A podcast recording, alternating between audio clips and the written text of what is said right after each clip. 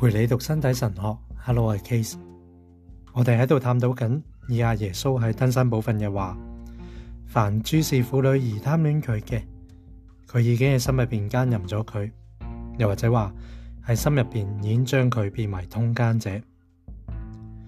基督嘅听众可以话系已经做好准备啦，而理解由贪欲产生嘅目光又系咩意思呢？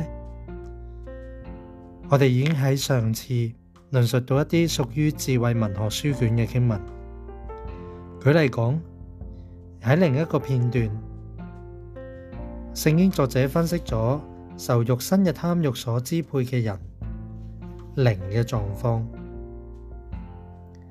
呢个系喺便西拉自训廿三章廿二到三十二节，炽烈嘅情欲像燃起嘅火，不到烧完。绝不熄灭，作战自己肉身嘅人，唔到欲火焚尽，亦都绝不停止。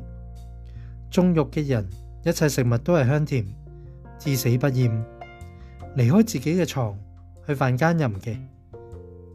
轻贱自己嘅人，心入边会话：边个能够见到我呢？黑暗笼罩住我，墙壁遮蔽住我，都冇人能够睇到我。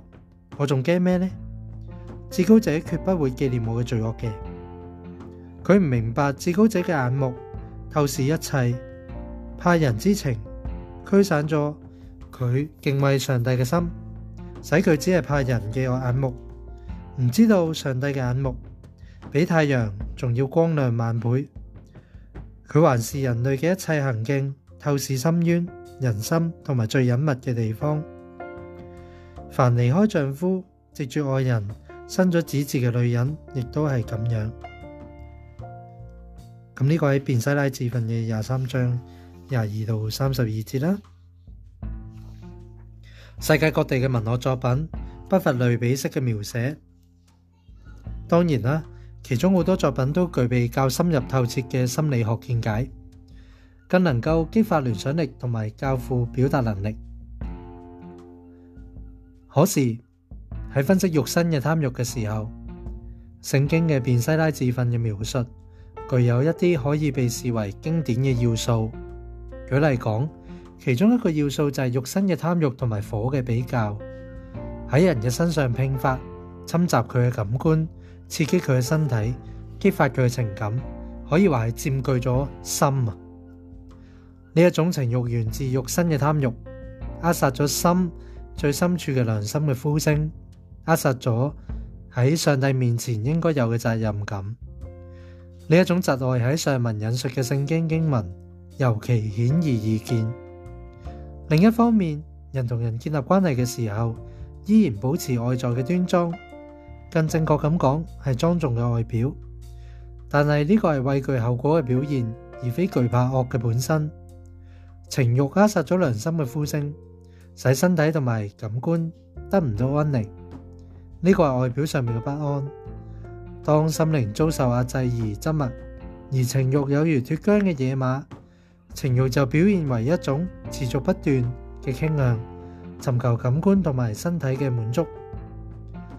受情欲支配嘅人認為咁樣可以嘅滿足咧，可以扑熄欲火，但喺另一方面，佢冇辦法帶嚟內心嘅平安，而只係觸及個人最外在嘅層面。圣经作者正确咁指出，只顾满足观感嘅人得唔到安宁，亦都搵唔到自我，反而喺度消耗紧自己。情欲只在满足，因此佢削弱咗思考活动，无视良心嘅呼声。由于情欲本身唔系坚固不灭嘅，因此会自行磨灭。佢具有用品嘅性质，终有一日咧会耗尽。当欲望成为最深層嘅精神力量嘅時候，確實可以成為具創意嘅力量。然而咁嘅情況之下，佢必須經過徹底嘅改變。另一方面，如果佢扼殺咗心同埋良心最深層嘅力量，就會消耗自己。遭到情慾嘅支配嘅人，亦都會間接咁樣消耗自己。基督喺山中，誒喺登山寶訓講論道。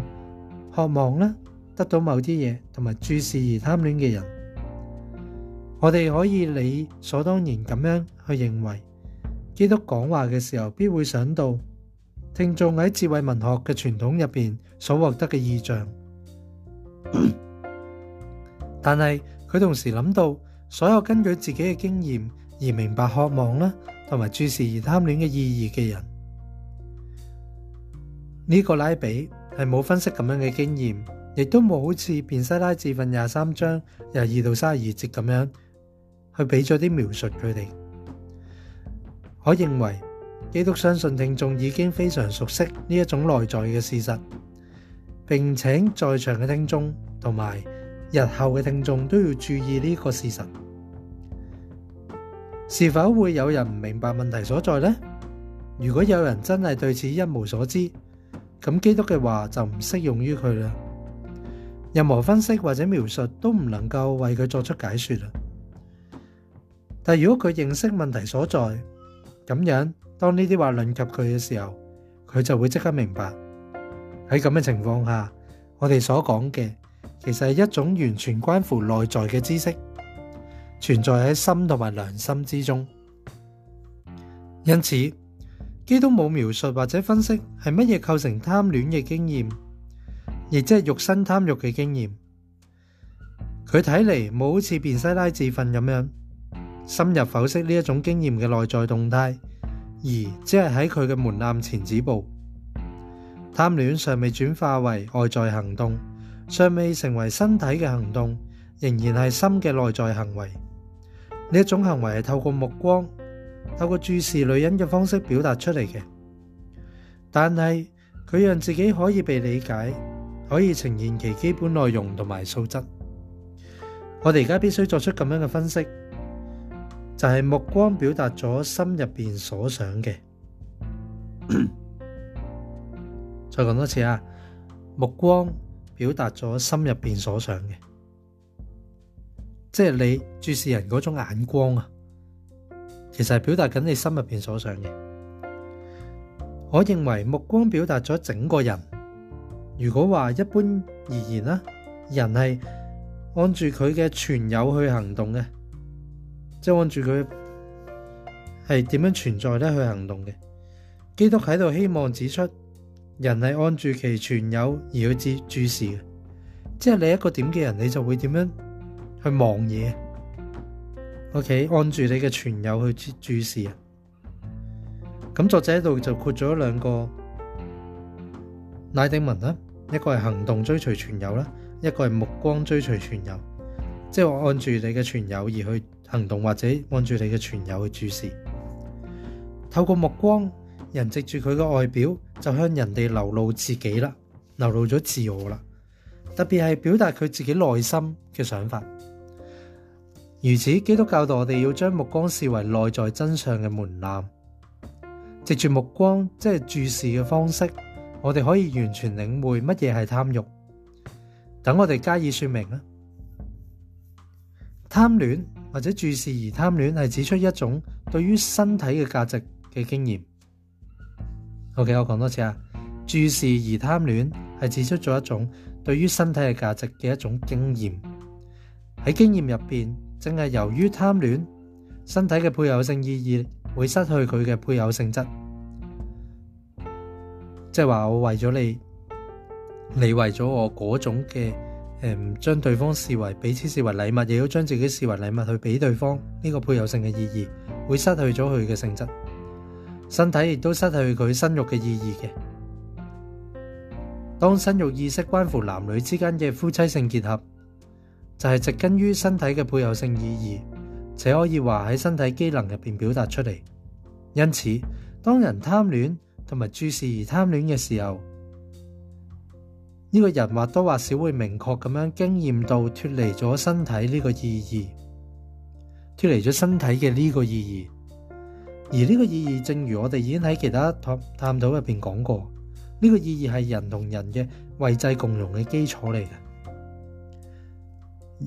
即系话，既存在喺婚姻之外，亦以具体嘅方式存在喺男女蒙召以身体结合嘅时候，对身体嘅配偶性意义嘅体验系从属于姓氏嘅呼召嘅，即系话好似反映紧上帝咁样嘅，反映紧上帝嘅恩典嘅。对身体嘅配偶性意义呢种体验系要从属于。反映緊上帝恩典嘅一個呼召，系因為我哋有上帝嘅恩典嘅呼召，先至可以解釋到呢一種嘅體驗。但系呢種體驗咧，又唔局限喺呢個呼召入边，我哋會喺之後嘅分析咧，更詳細咁样去解釋嘅。